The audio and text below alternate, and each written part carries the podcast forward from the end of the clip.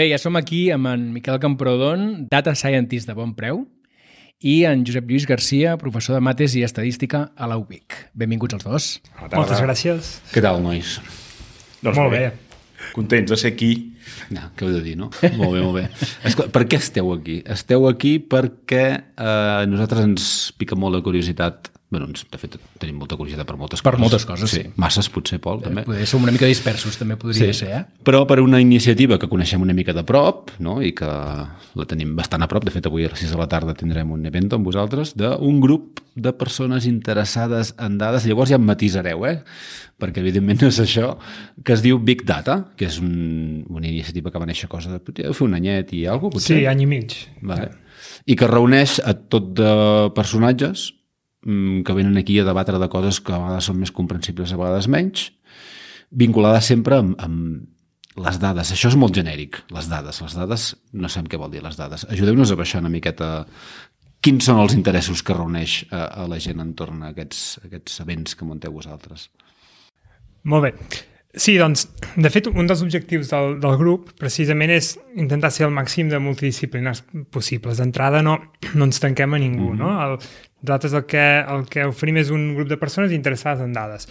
A la pràctica, qui, qui acabem sent? Doncs acabem sent persones amb una activitat professional eh, molt directament vinculada amb les dades, com pot ser doncs, feines com ara potser la més coneguda és la feina científic de dades, que ara està agafant molta volada, però també feines, um, feines més informàtiques o feines més, més matemàtiques, o també feines com ara, um, que poden semblar diferents però que tenen molta relació, com per exemple um, gent que treballa en sectors més d'economia o, o, o de màrqueting, o, de disseny. disseny, properament tindrem una xerrada d'un mm. dissenyador. Sí, Ara ens explicareu això. És molt curiós, molt curiós.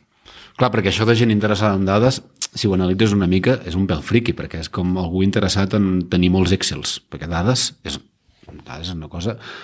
Potser és gent més interessada en el què pots fer a partir de tractar dades i extreure'n un... Tu abans, Jo- Josep Lluís, com parlava abans, ens deies que tu expliques dades. La teva feina és, és, és ser professor, però vull dir, tu, les teves capacitats et permeten analitzar i explicar unes dades. No? No, no, no, Va per cas- aquí, això? Sí, sí, exactament. Diguem, com, com deia el perfil és, és ben ampli. Hi ha persones que treballen, eh, que, que viuen de les dades, i jo, de fet, també en, vic, en visc de les dades, en el sentit de que jo, diguem, gràcies als coneixements d'estadística i alguna altra cosa que sé, doncs explico com tractar dades amb alumnes a la Universitat de Vic.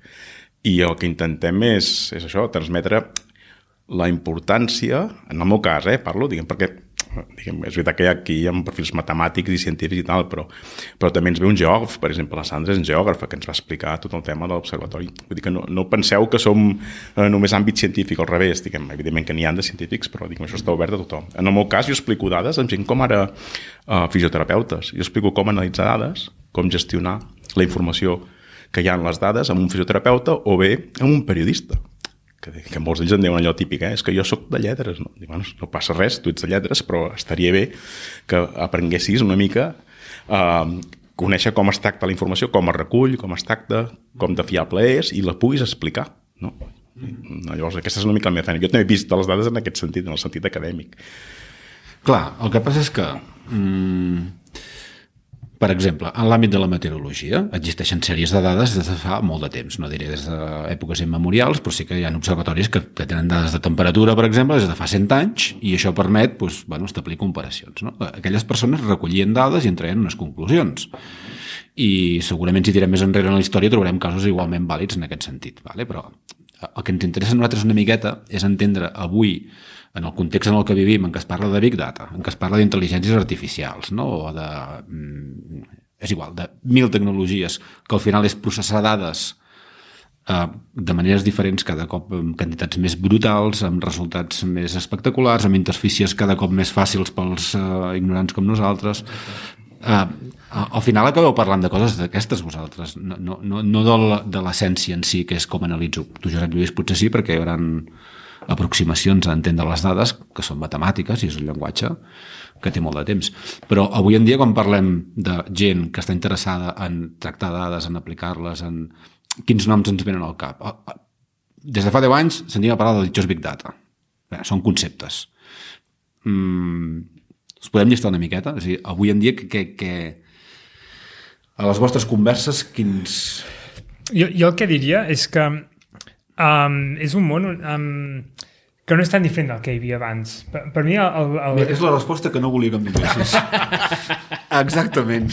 Perquè els experts sempre aneu al mateix. Com que ho reduïu tota l'essència i en sabeu molt, um, però nosaltres volem tendències, Pol, volem hype. Volem hype. Volem, Volem hype. hype. A veure, a veure. Volem continua, hype. continua, Parleu, continua. parleu de machine donarem. learning, parleu de Ara, ara, ara, ara. llenguatge. Buzzwords d'aquests. eh, Vinga. Us en donarem, va. Vale, no és tan, dif no és tan diferent. Vale, no és tan diferent. Miquel, no, t'ho compro, no, t'ho em compro. referia, Pep, em referia que, que el gran canvi és que ara um, la informació és molt més accessible per tothom. I aquest potser és el, el principal canvi. O sigui, abans sí, abans hi havia dades de meteorologia, però les tenia aquí doncs, el meteoròleg que havia treballat 20 anys en l'observatori de no sé què i era capaç de predir.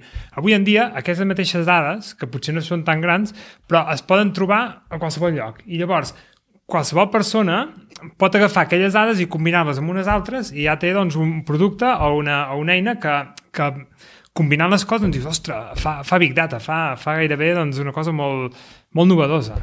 I, i sí, sí, sí, no és com abans perquè tenim la tecnologia al nostre costat. I, i aquest és un, de, un dels grans guanys. Però que vull dir és que, que hi ha una essència que, que segueix fent, no? Eh, Però és que l'essència és el mètode científic. Vull dir, al final tot es redueix a, a això, no? A tenir unes mostres, unes hipòtesis, unes dades, validar i, i, i, i això. Jo afegiria, diguem, aquí em sembla que anem amb la línia de que, de que la, el, el gran canvi ara no és la, la metodologia científica matemàtica, els aparells que hi ha darrere, perquè això ja fa molts anys que està inventat, sinó realment el canvi és, el paradigma que ha fet canviar tot això és l'obtenció d'aquestes dades, com és de fàcil i senzill obtenir aquestes dades. A partir de que tu tens dades, tu pots aplicar tota una metodologia que ja fa molts anys que funciona per obtenir el que tu vulguis, resultats de cara a millorar vendes, no? Mm, eh, gestionar millor la teva empresa, eh, decidir eh, polítiques econòmiques, fins i tot, Um, ara que venen eleccions municipals, els partits estan obtenint dades uh, i georreferenciades, treballen dades georreferenciades. Ja, ja saps què vota aquí, bueno, no, més o menys, vull dir, per percepció censal, no? Tens una, una informació molt vital desplegada en l'espai i abans això era impossible tenir dades desplegades en l'espai, per exemple. Doncs totes aquestes noves dades que tu tens ara, la quantitat i la qualitat de les dades, és el que et permet fer eh, establir canvis. Però no tant la metodologia, fins i tot sota, i ara jo no soc, em fico, no em criden, no? però la intel·ligència artificial de la qual se'n parla tant i jo no, no en soc eh, expert, al revés, soc força ignorant, diguem, tot l'aparell matemàtic que hi ha darrere, doncs també és conegut de fa molt temps, no és una qüestió massa novedosa. Ja n'hi haurà, eh, de qüestions novedoses dins, perdoneu-me els que sou experts en intel·ligència artificial, perquè segur que hi ha coses que s'estan innovant moltíssim, però em refereixo que el gran canvi ve per la manera, no? la, la, la capacitat d'obtenir aquestes dades i després fer-ne ús. Bueno, d'obtenir-les i de tractar-les. I de gestionar-les, clar, això anava a dir, perquè al final la capacitat que tenim ara de moure dades no, no hi era. No, no, vull dir- Poc temps enrere. La no? capacitat d'emmagatzematge. Conclusions de sets de dades eh, brutalment grans, Sí. que això fa Sí. només 20 anys enrere, que no t'hagués permès prendre segons quines decisions en base a un resultat tan immediat perquè no podies treure conclusions de forma ràpida, no? De fet, un, un, un dels... Bueno, hi ha molts exemples, eh, però a mi, jo sempre, eh, a mi em, em, em té fascinat el tema de Google. No? Google, tots coneixem una gran empresa no? de les més eh, eh, importants i grans del món, fent moltíssimes coses, innovant contínuament.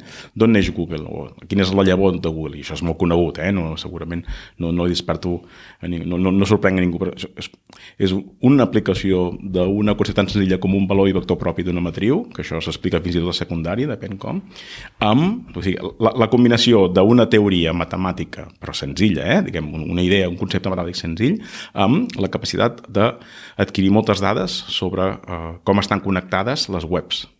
Si tu ajuntes hi ha molta més cosa darrere, eh? diguem, estic eh, portant una capa molt superficial, però la idea és aquesta, o sigui, el concepte de valor i vector propi d'una matriu i la capacitat d'obtenir moltes dades a la xarxa de com estan connectades les webs, com es linken unes als altres, com disparen, no? com jo puc anar d'una web a una altra. Si tu tens aquesta informació i aquesta idea eh, meravellosa d'utilitzar aquesta qüestió algebraica i moltes coses darrere que, que no podem explicar, doncs, eh, pum, combinació, tens un Google, bueno, eh, tens un Google, tens un buscador de Google, perdó, un PageRank, eh? diguem, és l'origen de tot l'imperi Google, és aquest gran buscador que et posiciona les webs a dalt de tot, en funció de, de com està connectada a la xarxa de, de la World Wide Web. No? Ara em direu, sí, sí, però i tu que ets expert, no, Pol, en temes de màrqueting, sí, sí, que també hi ha gent que pagant a darrere, sí, sí, llavors ja es, això es recargola i es, Sí, sí.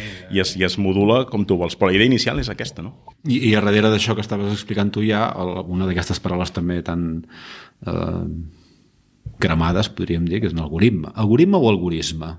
Em sembla que en català són ad- admesos els dos. Els dos. Em sembla, eh? Ara, És la vull que primera vegada perdoni. que, es- que escolto algorisme, la primera. Ara, Pol. bueno, algorisme, mira, la segona. La segona. Uh, uh, uh, sí, al final hi ha no, un mecanisme o un artefacte matemàtic, per dir-ho d'alguna forma, unes fórmules que fan un càlcul de pesos, no? en funció de com es relacionen uns continguts d'una web que estava explicant tu ara. I, i bueno, m'encallo aquí perquè uh, això dels algoritmes també és una altra d'aquestes buzzwords que tothom va dient algoritme pel carrer i potser poca gent té clar què és i què no és un algoritme, on s'aplica, si està darrere de tot, no... Jo, jo diré una cosa, però em diràs que, que és la resposta que no vols. Ja, ja ho veig Ja ben. ja t'ho dic ara. Un, un, un algoritme és una recepta de cuina, no és més que això. Conceptualment ho entenc. Uns passos a seguir per, per resoldre un problema. El que passa que els has de donar en una, en una màquina perquè la màquina els pugui fer. Llavors han de ser molt i molt detallats, però, però vull dir, nosaltres en el nostre dia a dia és que, és que en fem molts. Eh, Cada cop que anem a la cuina a fer el sopar fem això mateix. Uh, posar una cassola, obrir el foc, posar una cassola al foc, Sí, sí, sí, etc. sí. etc. Doncs, I això és tan antic com la informàtica. Un algoritme és un procés lògic que, amb un objectiu determinat i, i amb el, on, efecti- efectivament l'ordre amb què tu executes aquest procés lògic és importantíssim. Si tu rentes les dents i fiques la pasta de dents després de raspallar-te no serveix de res, ho has de posar abans. Llavors, no, no és més que això un algoritme, realment. No, no, no El té més... que és un concepte que ha pres molta rellevància sí. sí. Perquè eh, ara comencen, bueno, ara no, fa uns quants anys que comencen a passar unes certes coses amb els continguts que consumim en funció d'aquests algoritmes. El, el, I abans potser no passava tant, potser perquè no es disposaven de tantes dades, perquè no se'n recollien tants, perquè la capacitat de reaccionar en funció de no? el, el ditxós algoritme de Netflix o l'algoritme que hi ha darrere de quins continguts veus en una xarxa social concreta, etc. No? Per què està tan candente això? O perquè tenen aquesta... És molt de màrqueting això, eh? Però... No, bé, és veritat que s'ha posat de moda la paraula, en el sentit que molta gent quan diuen han canviat l'algoritme de, no? de, de Google, per exemple, l'algoritme. Bé, el que canvien no és ben bé un algoritme, o el que jo entenc per algoritme, sinó que canvien un nivell de preferències, uns pesos, una ponderació, una estimació de cap, cap on ells volen que apareixi les, les pàgines, no? eh, algunes davant de les altres. L'algoritme en si, matemàtic, que s'executa darrere, probablement no canvia. Um, com, com explicar-ho això? Uh, o quan, net, um, quan Netflix t'està, o quan tu entres en una, en una qualsevol, bueno, entres a la, a la xarxa i t'ofereixen publicitat de la darrera cosa que has visitat no, per comprar, aquí hi ha uns algoritmes, però que ha és un, clarament una detecció de que tu tens un interès i no és l'algoritme que canvia, sinó és la, la manera d'utilitzar o de ponderar les prioritats que et mostraran a tu, no? No, no és, no, però sí, llavors tendeixen a dir Google ha canviat l'algoritme, no? Perquè És que el canvia constantment. Al final El no deixa de ser que, que refinen la recepta, no? que comentàvem abans, que cada cop li va posant més detalls i va prioritzant més unes coses per sobre les altres. De fet, Google, que tu deies abans, ha canviat milers de vegades el seu, o l'ha modificat el seu algoritme, l'ha millorat, però al final l'essència continua sent la mateixa. I és aquest el motiu pel qual els enllaços, que tu comentaves abans, continuen sent el principal factor de posicionament de Google, perquè al final és l'essència del seu algoritme. Després aquí poses moltes altres capes, l'afines amb moltes altres coses i tens en compte fins i tot, per exemple, el comportament dels usuaris que entren a una pàgina i són, no hi són, surten, marxen ràpid, van a una altra pàgina. Aquí ho pots complicar molt, però al final l'essència de l'algoritme de Google és el mateix des del principi, que és quin pes tenen els enllaços que apunten a les teves, web, a les teves webs i d'on venen aquests enllaços, no? Si porten un prestigi o no el porten. El que passa és que això, uh, empreses com Google um, han esdevingut tan i tan, uh, diguem-ne, bones en el que fan que en tenim una dependència enorme. I ara, ara diré una cosa que segurament uh, tu, Pol, en, en, ho, ho coneixes molt bé, però um, bueno, no sé el, el número exacte, però quantes Quantes persones, quan fan una búsqueda de Google, passen de la primera pàgina? Quantes vegades heu passat? Poquíssimes. Percentatge molt petit. Molt petit. Això vol dir que l'algoritme de Google té una importància enorme, perquè poder aparèixer a la primera pàgina o, o no d'una búsqueda um, és, és, és d'importància vital per a segons quines empreses. Claríssimament, sí, sí. Per això, llavors, acabem que tots acabem depenent d'aquests algoritmes que, com que, diguem fan la seva feina tan bé, doncs en, en, en depenem molt. A, a mi m'interessa segur que no ho aconseguirem, direu que no és l'espai, eh? però uh, és que sóc molt curiós. No això m'interessa, Pep. Això no del curiós... l'espai aquest. No estem... Quina por. Sisplau, una miqueta, No hem vingut aquí a parlar una d'això, miqueta de eh? respecte, una mica de respecte. Matemàtic, apelo al teu coneixement acadèmic perquè m'aclareixis un dubte, perquè ja estem parlant d'algoritme com si fos, eh, no sé, el túrmix de la cuina. Quan parlem d'algoritme enten, entenc que no és una peça de codi senzilla que vincula uns continguts amb unes etiquetetes i prou, i dir, mira, com que s'ha mirat quatre pel·lis que té l'etiqueta de pel·lícula romàntica per al lunes per la noche, li serviré una... És a dir, tot plegat és més complex. Quan diem algoritme, eh, això baixa en la forma de què? És un codi? És un conjunt de fórmules que estableixen pesos diferents en funció de molts paràmetres? Eh, si el poguéssim veure, quin aspecte té això? No, no, sí que sí, és codi, és el que deia en Miquel, sí que, sí, sí que és codi màquina que, que, que, que, que s'ha... Màquina?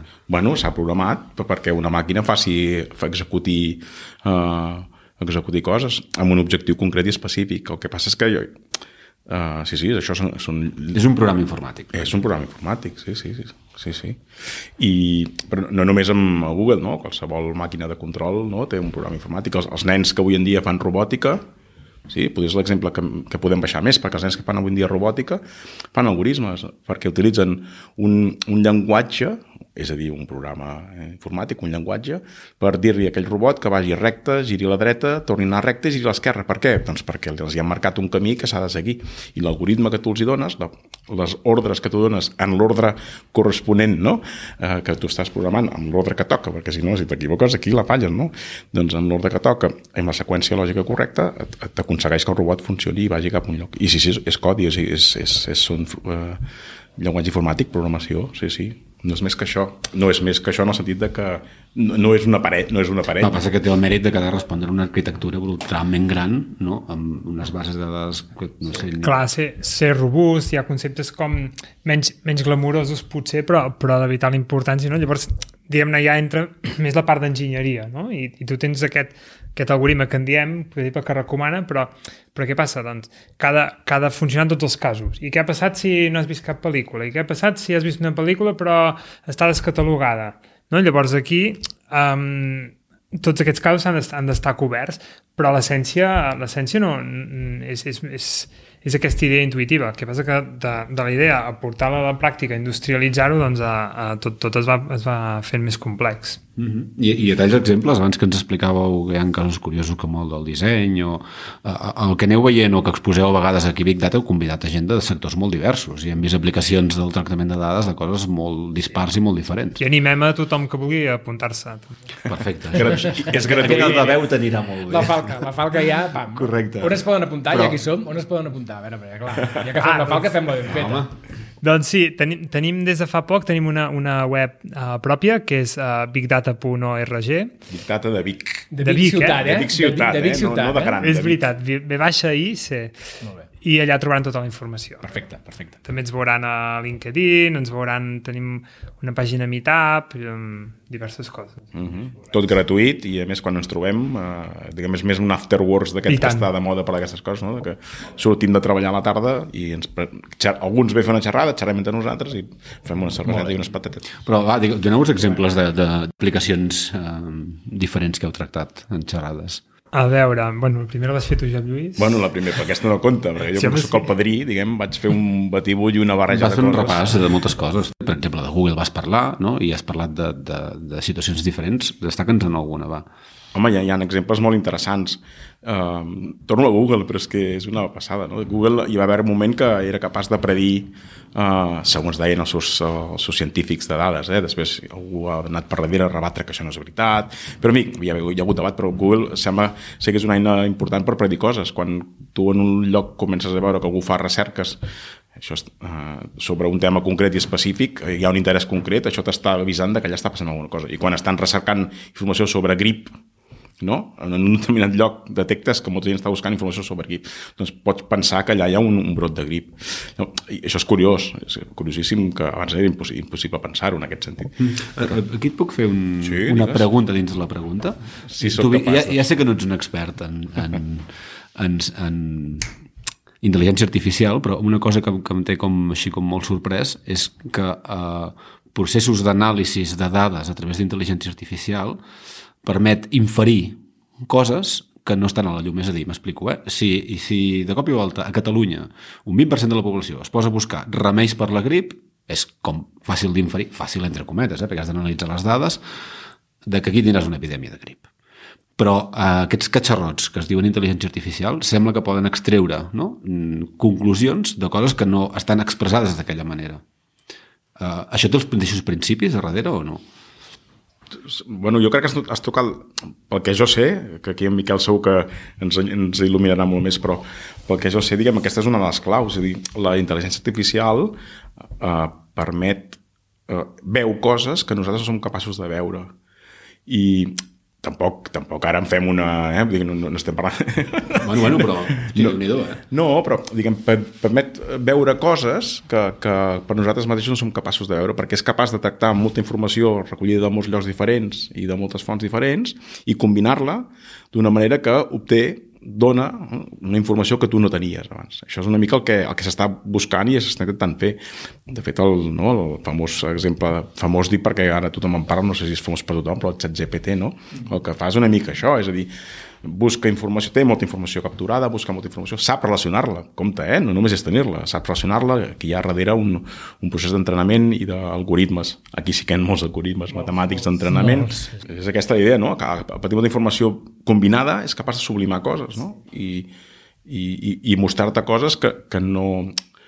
Ara diré una bestiesa, però no, no és creador, però d'un i do. O sigui, sí, és com un collage de coses, s'ha de saber posar les peces bé, però a partir d'un Sí. d'un puzzle de coses et genera una imatge, no? És que jo, jo insistiria en, en aquest punt que diu en, Josep Lluís.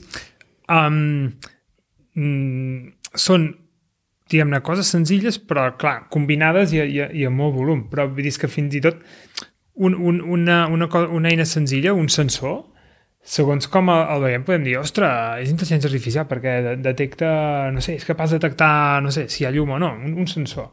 Si, si en connectes mil i a més de forma ben pensats i, i allò, doncs, ostres, pots, pots tenir un, un sistema complex que sembli que fa, que fa molta cosa, però si el vas desgranant, no deixen de ser petites, petites coses, petits automatismes senzills, que aquest fa això, un altre mira una altra cosa, que passa que en, en, en global sembla que fan molta, molta cosa. I ara pensava una anècdota personal, no? a vegades passa que, que fas, un, fas un codi, fas un, un, un algoritme d'aquests que, que deies, i, i al cap d'un temps fas servir aquell programa i penses, ostres, uh, això és que fa, que fa moltes coses i per què? Perquè una mica ja no, ten, no estàs en el dia a dia, ja no te'n recordes que de tots els passos i vist en global dius, hosti, és que, és que fa moltes coses i no deixa de ser un algoritme que has anat fent pas a pas. Mm. Sí. Sí, sí, és que jo crec que aquesta és la clau, no? Al final és com, com si fos una impressora 3D, que la impressora 3D va posant capetes i te la mires de cap de 10 minuts, dius, no està fent res. Però clar, si passen 24 hores, dius, collons, ha fabricat aquí aquí? una cosa gran, no? Sí, sí, Doncs, sí. Però al final aquests algoritmes, clar, si els, si els vas polint, els vas polint, els vas polint, al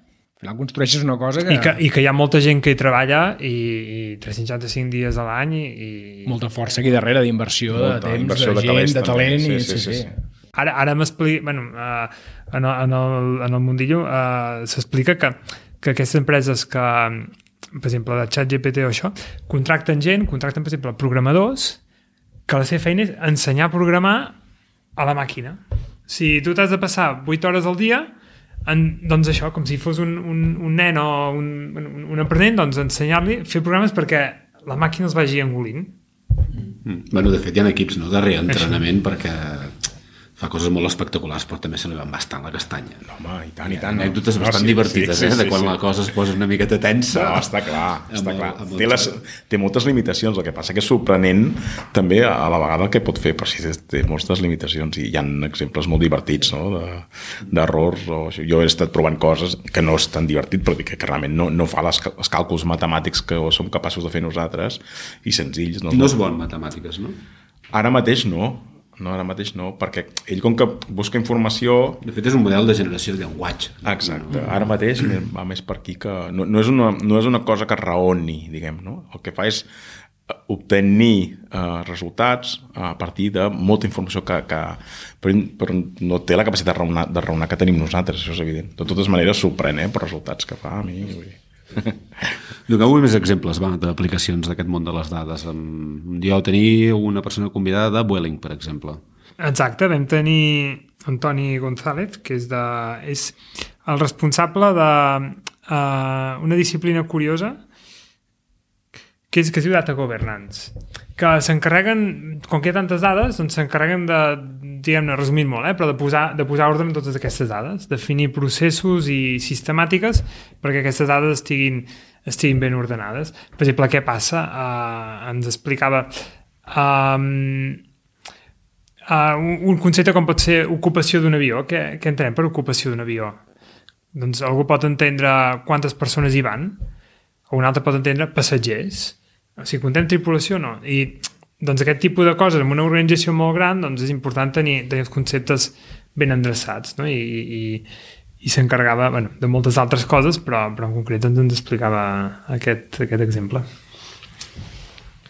molt bé, bueno, va, va, va ser capaç d'explicar el concepte de, de que algú es quedi a l'aeroport amb les maletes a la mà perquè l'avió està ple i té un bitllet o, no sé, no, això, no, governants aquí no, no, sentit, anar per aquí, no, l'overbooking no entra, eh? bueno, molt bé però, però hi ha empreses que es dediquen a, a calcular també overbooking. Sí, però jo tinc una fórmula màgica, eh? Sí? Per calcular l'overbooking. Sí, és si venc 100 bitllets d'avió, només poden pujar 100 persones.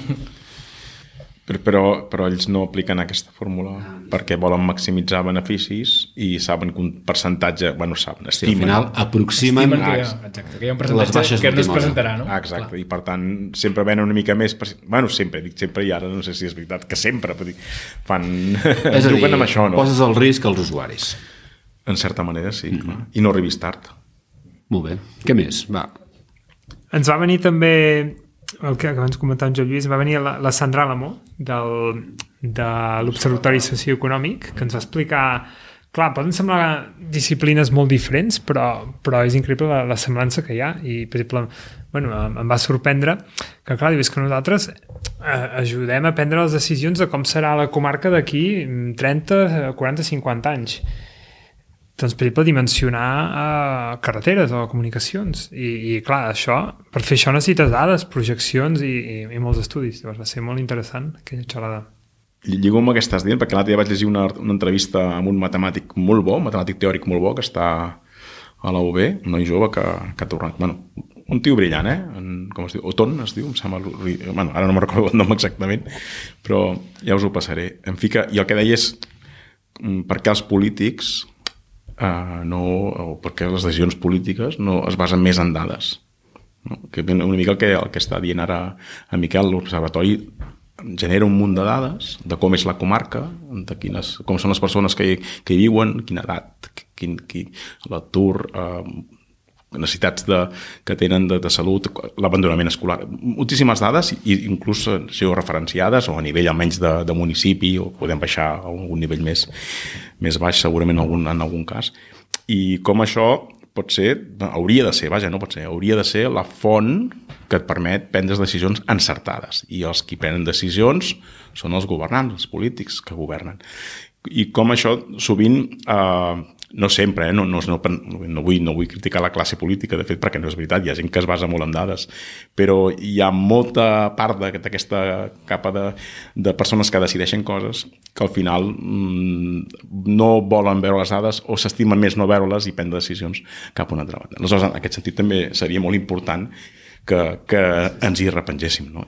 Com, que costéssim el mètode científic en algun sentit. Aquí el problema és l'algoritme. No? Aquí el problema és l'algoritme, sí. Potser si una IA generativa prengués decisions aniríem millor. Aquí ho deixo. No, el podcast no es fa responsable de les opinions dels convidats. No, no, no, aquí cadascú les seves opinions, però jo aquí ho deixo. Molt bé. I què comentàveu abans? L'altre dia a la Universitat de Vic que vam fer una, una roda, una taula rodona, perdó, sobre, sobre el tema de com afecta el xat GPT a la, l'aprenentatge mm. i, i a l'avaluació dels continguts dels alumnes, perquè clar, amb el GPT tu pots demanar una redacció, vas allà, te la fa un moment la redacció, la, de copy-paste, no? Enganxa, copiar, enganxar, ja tens la redacció feta i, i tu estàs avaluant una redacció feta per, un, per, un, per una per intel·ligència artificial. Com afectava això? I em va sorprendre perquè va venir un, un professor de l'ISABA, eh, d'Escola de, de Disseny a Barcelona, on ells va dir, nosaltres fa molt temps que estem pendents de la, de, de, de, la, de la intel·ligència artificial perquè en disseny ja hi han moltes eines que una prèvia, per exemple, el ChatGPT és el DALE, segur que la vau veure perquè es va posar de moda en un moment donat també i és brutal com aquesta eina, el DALE, no? a base de només una ordre, dir fes-me una foto que contingui aquesta i aquesta peça, no? et genera una foto o una imatge, perdó, eh, amb, amb el que tu li has dit que això, i una imatge d'una qualitat eh,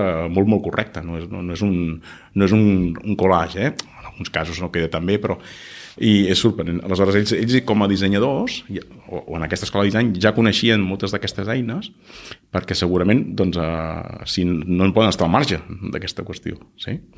Uh, aleshores, és sorprenent també, per, ho dic perquè jo també em vaig sorprendre, no? dades, disseny, intel·ligència artificial, com? I, doncs, doncs, ja, ja, doncs hi és, eh? i això acabarà arribant a tot arreu. No? Hmm. De fet, eh, en Pol tenia apuntada una notícia aquesta setmana, no sé si és una notícia o no sé d'on has tret això, que és un... No sé, no sé quina, de quina notícia parles, a veure, no, ja, il·lustra'm. Mira, obro cometes, el fabricante de bolígrafos Vic, sí. punts suspensius. De, venien a dir que esperaven un augment de ventes de, de bolis Vic perquè hi hauria més professors que demanarien als seus alumnes que fessin els treballs manuscrits. I llavors ells inferien que hi hauria una, un augment de les vendes del, del clàssic boli Vic eh, per presentar treballs. Això a l'entorn acadèmic no ho esteu patint o no? Eh, estem preocupats. És una de fons i prou. Eh, eh, hi, ha, hi ha una preocupació general, sí, sí. Uh, I per això fèiem la talardona, per compartir dubtes i, i, i possibles solucions o possibles uh, diguem, bueno, mètodes. Segurament canviarà mètodes. O sigui, està clar que això porta un canvi de mètode avaluatiu, perquè hi ha coses que no es podran avaluar. O mm, no es podran avaluar perquè no podràs garantir que la persona que, que ho ha fet és la, la que tu... La que, I la que estàs... també, no? Una intel·ligència pot arribar a avaluar alumnes? Jo ho vaig dir, dic que si ells fan uh, redaccions o treballs amb ChatGPT, jo li dic ChatGPT que em corregeixi les seves redaccions i posaré la nota que em digui ChatGPT. És que clar, hi ha casos en el que potser és una interpretació més qualitativa la que has de fer del treball d'un alumne, però, ostres, si estem parlant de matemàtiques, no ho sé, perquè això ja, tu em diràs, és molt més complicat que això. No, eh? per sort, de moment, en matemàtiques però... és molt difícil que ara mateix GPT supleixi una persona, per això que et dic, perquè és una, bueno, una disciplina on realment el raonament lògic és eh, rigorós i estricte i una cosa pot a l'altra, no és fàcil, i, i un error et fa però si l'exercici és un exercici de programa eh, aquest script de Python que faci això... Això, això és això, diferent, això. això és diferent, exactament. Els, els, els professors de programació estan més preocupats perquè realment els algoritmes que, tu, que fan, o bueno, els programes, no? quan demanen un exercici amb un alumne de programa això, doncs això ChatGPT ho fa perquè busca codi tot arreu i t'acaba donant un programa has de provar si funciona o no, clar, però com a mínim ja et dona una base molt important. En matemàtiques no estem patint tant, de moment, almenys jo. A mi no em preocupa gaire, eh, ChatGPT, he de dir que escolta, hi ha moltes coses han vingut i hem anat tirant, i ja... però sí, farà canviar mètode, això està clar. I s'exagerà, en algun sentit, a l'acadèmia. Ja. De fet, l'altre dia escoltava una notícia que explicava que el copilot de GitHub ja presentaven dades al mateix GitHub dient que en alguns llenguatges com Java, per exemple, els usuaris de, de GitHub ja feien servir el Copilot, que és la, la IA que t'ajuda a programar dintre del, del seu programa. Uh -huh. En Java em sembla que ja era més del 60% de codi que era de la IA, no del programador. Per tant, la realitat és que en la vida real ja s'està fent servir la IA en el món real. Per Clar. tant, el que hem de fer és assumir que això serà així i partir d'aquí. Si tu mires amb una mica de distància, i nosaltres perquè al final no som desenvolupadors, però programar, i això Miquel ens ho pots dir, um, caràcter per caràcter, bueno, hi ha nides d'aquests que et complementen el codi i tal, però és una cosa molt artesanal que segur que això amb el temps o sigui, ha d'acabar variant, no? O sigui, una interfície que et programi per tu, perquè... No? Tampoc no piqueu codi de màquina. No, I, fet, I de fet els llenguatges és una capa, no? una interfície amb un codi molt més Exacte. complex. Cada cop es, es treballa a més, a més alt nivell, que es diu, no? Des de, uh, vol dir un llenguatge més proper al nostre llenguatge natural, tot i que clar, ha de ser molt concret perquè és, uh, diguem, ho ha d'entendre la màquina. I sí, sí, és un, és un dels camps que, que uh, la intel·ligència artificial pot, pot començar a ajudar més, perquè d'això no pots passar de, de fer tu el programa a, diguem-ne, supervisar aquest, aquest, aquest automatisme que, que ja et fa un 80% del codi i tu només l'has d'acabar d'ajustar. Sí, sí. Però, de fet, uh, jo també dic una cosa als, als, als, als meus companys, no? als, als bons programadors, uh, si hi ha una cosa que saps que està feta, busca-la, no la facis de zero. Clar, evidentment. Clar, Saps? que és hi aquest ha una cosa que es diu llibreries, no? Llibreries i, i sí, sí, per això, que estarà més ben feta i més, i més optimitzada que, que el que pots fer tu en una tarda. Llavors, eh, el que fa la intel·ligència artificial és té molt carregades moltes llibreries d'aquestes i llavors ja sap quina és la millor, la millor, la millor, cada, la millor eina, en aquest cas. És un món...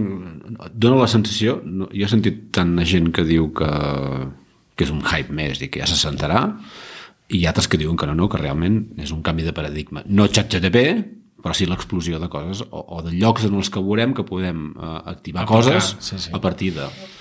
No? Això sumat a, a la dèria que tenen alguns, eh, el nostre amic Musk, que encara no l'havíem citat en aquest capítol, per cert, amb el tema sempre de hi la, ha de ser. sempre hi ha de ser, de la AGI, uh, que són les intel·ligències uh, artificials aquestes generals, no? Crec que es Que diu. aquest és el gran que tem- temor que sempre ha tingut la miedito, Neil miedito, fuerte. Sí, és el gran temor que sempre ha tingut l'Elon i, i, i bueno, que és comprensible. Perquè al final és això. Si realment arriba a existir aquesta superintel·ligència artificial connectada a tot, veuríem què pot passar aquí, no? No sé si temor o no, però jo crec que van aquí, eh? És l'objectiu últim d'OpenAI i, i gent d'aquesta, al final. Tothom vol ser el primer en alguna cosa, no? per acabar dominant una part del mercat, perquè controlo abans que els altres. Bueno, mira què ha passat amb Google i Microsoft, no? que també hem de veure quines repercussions hi haurà amb, amb Google. No ho sé. Jo, Google no, però bon preu sí, perquè tu, Miquel, Ara, ara. Eh, hem dit que treballaves a bon preu i treballes amb, amb un equip, no sé exactament el nom, eh, però és un equip que treballa amb dades, que és un equip relativament eh, jove i que tothom pot imaginar, sí, sí, clar, una empresa tan gran com bon preu que es dedica a la distribució, que té un catàleg de productes tan brutalment gran, tot això significa dades i interpretar aquestes dades se suposa eh, que li ha de donar informació valuosa a aquesta empresa per, per, per, per millorar i avançar, no? Però què fa més o menys l'equip en el que treballes tu en una Sí, empresa com bon preu? a veure, no, um, o sigui, analitzar dades uh, s'ha fet des de fa molt temps a, a l'empresa, però sí que és cert que fa un parell d'anys se li va voler donar una, una entitat o diguem es va creure més en aquesta aposta i llavors es va, es va impulsar la creació d'un- equip intern de dades. No? Llavors el, el, l'equip el, el lidera Marc Torrent, que és el uh, que ens va venir també un dia a fer, a fer una, una xerrada aquí a Big Data i bueno, doncs jo tinc, tinc la sort d'estar dins l'equip i, bueno, no, no puc parlar gaire, eh? però bueno, diré, diré, No cal que donis diré detalls, que... però- No cal, no no, per, per exemple, ajudem, Elaboreu informes o al final genereu dades per a altres equips? És tot màrqueting? ajudem, aju dades? no, no, aj- ajudem, clar, nosaltres ajudem altres departaments i sobretot als departaments de màrqueting i vendes. Això és l'objectiu principal és ajudar això, a augmentar les vendes, a, a, a, al creixement. No? Llavors també hi ha tot un tema més de, de costos, però, però no, no és tan prioritari. També, Vale, també s'entén. però per qui s'imagini que esteu treballant amb Excels, que eh, imagino que no, um, vosaltres treballeu amb dades clàssiques com de ventes associades a producte, etc, però acabeu Sí. creuant, o una empresa com Bon Preu acaba creuant sets de dades de coses que aparentment no tenen res a veure amb un supermercat com el temps que fa o l'època de l'any en la que estic o... Sí, no, però no tant. Així resumint molt, o sigui, us diria que, que la gran cosa que hem, que hem fet és um, poder saber, um, poder vincular clients amb, amb com, què compren.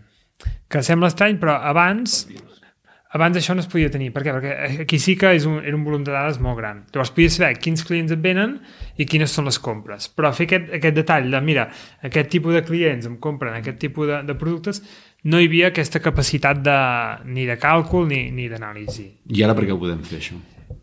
Doncs per, per això, per això que dèiem abans, perquè hi ha, per un cantó hi ha aquesta tecnologia molt accessible a, a, sí, i, i, i, barat, o sigui, accessible per un equip com, com nosaltres som un equip petit i, i després doncs que hi ha, hi ha, hi ha aquesta aposta no? de, de que hi hagi equips que es puguin dedicar a això abans, abans doncs eren més equips que potser si tenien una estona lliure podien començar a fer alguna anàlisi però clar, cadascú tenia la seva tasca en canvi doncs ara hi ha, hi ha feines no, en general com la feina aquesta de científic de dades que es dediquen a això, a analitzar dades Diu, què, què fa un científic de dades?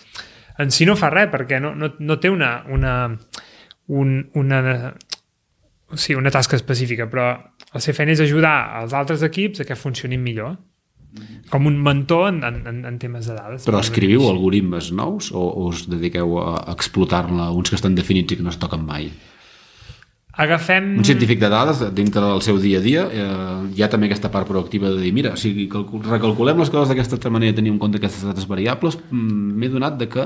Sí, sí, o sigui, el, els, els algoritmes bàsics ja estan fets, això que dèiem abans, i els ha fet algú que en sap molt i estan provats, i llavors um, què fem? Doncs combinar-los, uh, provar amb, amb diferents dades, uh, una mica una feina una mica artesanal de d'acabar de fer, d'acabar de fer el, el, el, el paquet final. Però, però els algoritmes de fons ja, ja hi són i, i, els algoritmes de fons de fons estan, estan ja fets fa molt temps.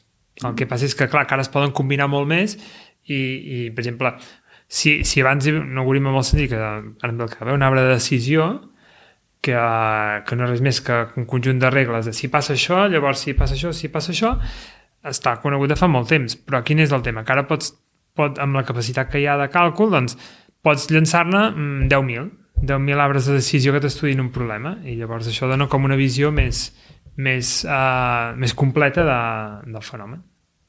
I quines matemàtiques hi ha darrere d'un arbre de decisió? No, per com... no, no, no, no ho dic a nivell de disciplina, eh, això. Eh, Clar, això és molt fàcil, és com els ifs de tota la vida, quan no saps programar comences a fer un if de if, if no. És un tria la teva aventura. Sí, sí, sí. Ah, exactament, sí senyor. Bueno, perquè aquí hi ha moltes branques de les matemàtiques aquí. Jo no sóc expert, repeteixo, eh? No, no, em, feu, Ha quedat clar em, fe, em feu saltar aquí a la piscina. No, home, no, però il·lustra'ns una mica, només una Va, mica. més que No, nosaltres ja et una dic jo que sí. Hi ha una disciplina matemàtica aquí que sigui més mm, de referència amb aquestes coses? Que... No, es barregen moltes coses. Com que tot és transversal, com deia abans en Miquel, i, i es barregen moltes qüestions, des de qüestions algebraiques, de càlcul numèric, o qüestions de teoria de la probabilitat, incertesa, capacitat, no? risc eh, davant de que passin coses. Uh, uh, abans comentaven, torno a l'exemple de Google, però és que és un exemple molt, molt xulo en quant a riquesa de, de contingut. Aquesta, aquesta, el PageRank de Google que treballa amb, mirant si una web es vincula amb una altra, no? hi ha un link, un vincle entre, entre webs o no, quan tu agafes tota aquesta informació i li poses una matriu, és una matriu enorme, una matriu de zeros i uns, no és ben bé 6, però una matriu, bueno, per entendre 0, uns i uns, entre dues webs, ficaré un 0 si no estan connectades, ficaré un 1 si, si sí que estan connectades. Aquesta matriu és enorme i està plena de zeros, perquè hi ha moltes... moltes... Sí, és una matriu interrelaciona tot amb tot. Sí, és una matriu de, que es diu d'adjacència, clàssica, on si és 0 vol dir que uh, si, si en la fila i columna fila 3 i columna 4 hi ha un 0, vol dir que la web 3, que les tens numerades, i la web 4 no estan connectades. Si hi ha un 1, vol dir que sí. No? Aquesta, Imagineu-vos totes les webs del món eh, ficades en una matriu molt, és enorme, no? que, i plena de zeros i uns que, que t'indica si estan connectades. I això és el que t'ajuda després a saber quina importància té una web davant d'una altra, que és el que comentava abans en Pol. Mm. Quan tu fas càlculs amb això, la matemàtica ja darrere a nivell teòric eh, és senzilla, relativament senzilla, perdó, eh? Vull dir, que no és, no és d'un nivell... Però quan tu necessites, i és el que venia després el, el que comentava en Miquel també, quan tu necessites industrialitzar això, quan necessites realment a fer càlculs amb aquesta matriu plena de zeros i que això matemàticament té un problema, són matrius eh, que no són fàcils de detectar quan hi ha tants zeros. O dirà, com pot ser, si estan buides, tenen zeros. No, no, però són matrius que s'anomenen singulars, on la, la informació està molt dispersa dins de la matriu, s'ha de treballar. Uh, doncs aquí, àlgebra per un tubo, probabilitat per un tubo, um, uh, càlcul numèric per, per, per aproximar, perquè no totes les coses es fan exactes, sinó que s'aproximen per un tubo, tot això. I moltes més coses que em deixo, eh? segur que, que aquí un amic matemàtic em vindria a humiliar, passar-me la mà per la cara, però vull dir que hi ha moltes coses. És molt interessant. I, i bueno, per anar acabant ja, eh, però si algú està interessat, a part de venir a les sessions de Big Data, eh, hem fet el CTA ja, per cert, o no? L'hem fet, l'hem fet, l'hem fet. El podem repetir al És que final. vegades no escolto, eh? El podem fer al final una altra vegada. Uh, a banda de connectar-se a gent que en sap i veure experiències i adquirir informació que n'hi ha a porrades, però si, si això ho vol treballar més des d'un punt de vista acadèmic, avui en dia l'aproximació és més des de matemàtiques, és qualsevol enginyeria ja et dona una porta i llavors t'has d'especialitzar, uh, hi ha opcions acadèmiques uh, concretes per esdevenir científic de dades, uh, com, com està això? Perquè abans deies que està canviant molt i el que canviarà, Eh, en aquest sentit, si la teva sortida professional ha d'anar cap aquí, Jo, jo distingiria, ara segurament en Joan Lluís precisarà més, però jo distingiria com dos, dos grans enfocs. Un és um, qui es vol especialitzar més, com si diguéssim, en, en la metodologia, que seria més aquest perfil més científic de dades o enginyer, que diguem-ne es volen especialitzar en el, en el tractament, però llavors hi ha infinitat d'estudis de, que, que, que des dels quals pots acabar dedicant a les dades, però és que des d'un un metge, un enginyer, un, un economista, tot, tots aquests sectors, o sigui, tu pots estudiar economia i després especialitzar-te en, en, en la part de dades i llavors tens una visió més, com si diguéssim, una feina més de negoci, doncs amb, amb aquesta, com, aquesta expertesa en dades. Hi ha, hi ha com aquests dos enfocs que es poden, que es poden escollir. Sí, sí, diguem, la, la cosa està molt oberta. El que és veritat és que diguem, el que s'incorporen a nivell professional moltes empreses són perfils de caire científic. I, i no estic parlant només d'enginyeria, sinó matemàtiques, matemàtiques, que abans diguem era una, una, una opció que et duia sempre la docència o bé la programació, doncs ara estan incorporant moltíssim matemàtics en el món de, de l'anàlisi de dades eh, físics, evidentment, i, i qualsevol uh, estudi afí. A la Universitat de Vic tenim un biòleg ara treballant amb dades allà, un nano que està fent un treball molt, molt maco amb, amb dades georreferenciades.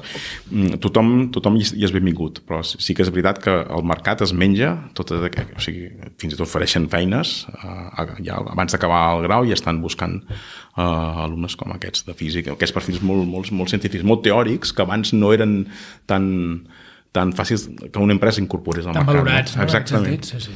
Una vegada, jo vaig, una anècdota que em, també, ja fa molts anys, eh, però em, em va deixar parat que jo vinc del, del món acadèmic, sóc doctor en matemàtiques i, i conec molts doctors en matemàtiques, però no coneixia doctors en matemàtiques que no treballessin, que treballessin fora de la universitat. No, no en coneixia jo. Per mi, un doctor matemàtic sempre acaba sent algú que està explicant matemàtiques en una universitat. Doncs no, no, ja fa uns anys, però una empresa de màrqueting digital mm, de, ubicada a Barcelona contractava, buscava de perfil doctors en matemàtiques. I em vaig quedar parat de, de, i, i m'hi vaig posar en contacte amb el CEO i em va rebre molt amablement i m'ho va explicar. Dic, dic, dic, per què contractes doctors en matemàtiques quan ningú ho està fent? I, dic, per, i llavors me'ls va presentar de fet uns quants dels seus treballadors i em va dir perquè tenen una capacitat d'anàlisi eh, que altres persones no estan acostumades a fer. No és que siguin més llestos.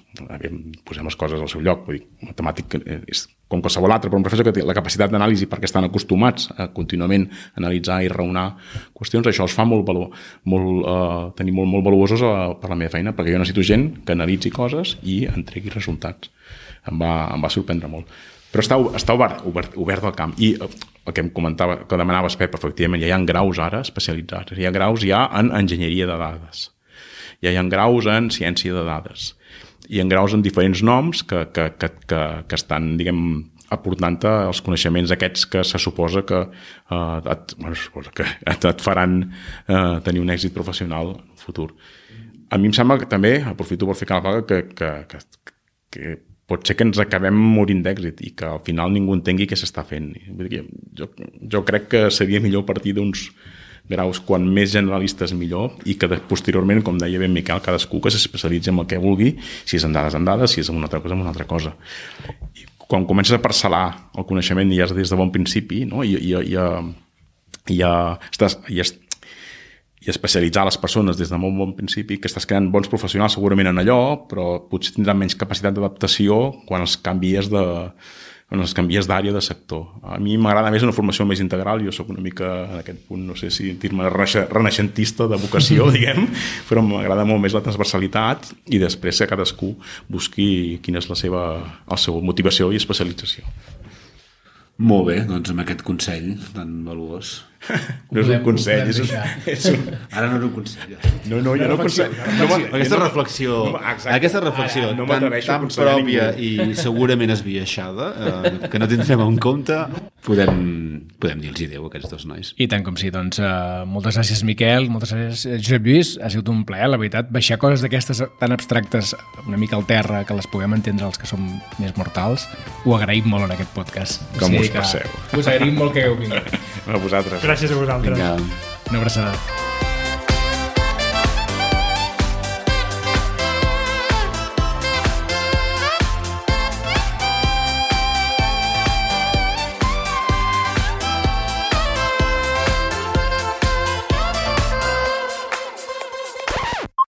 Tres bits, un podcast de creació.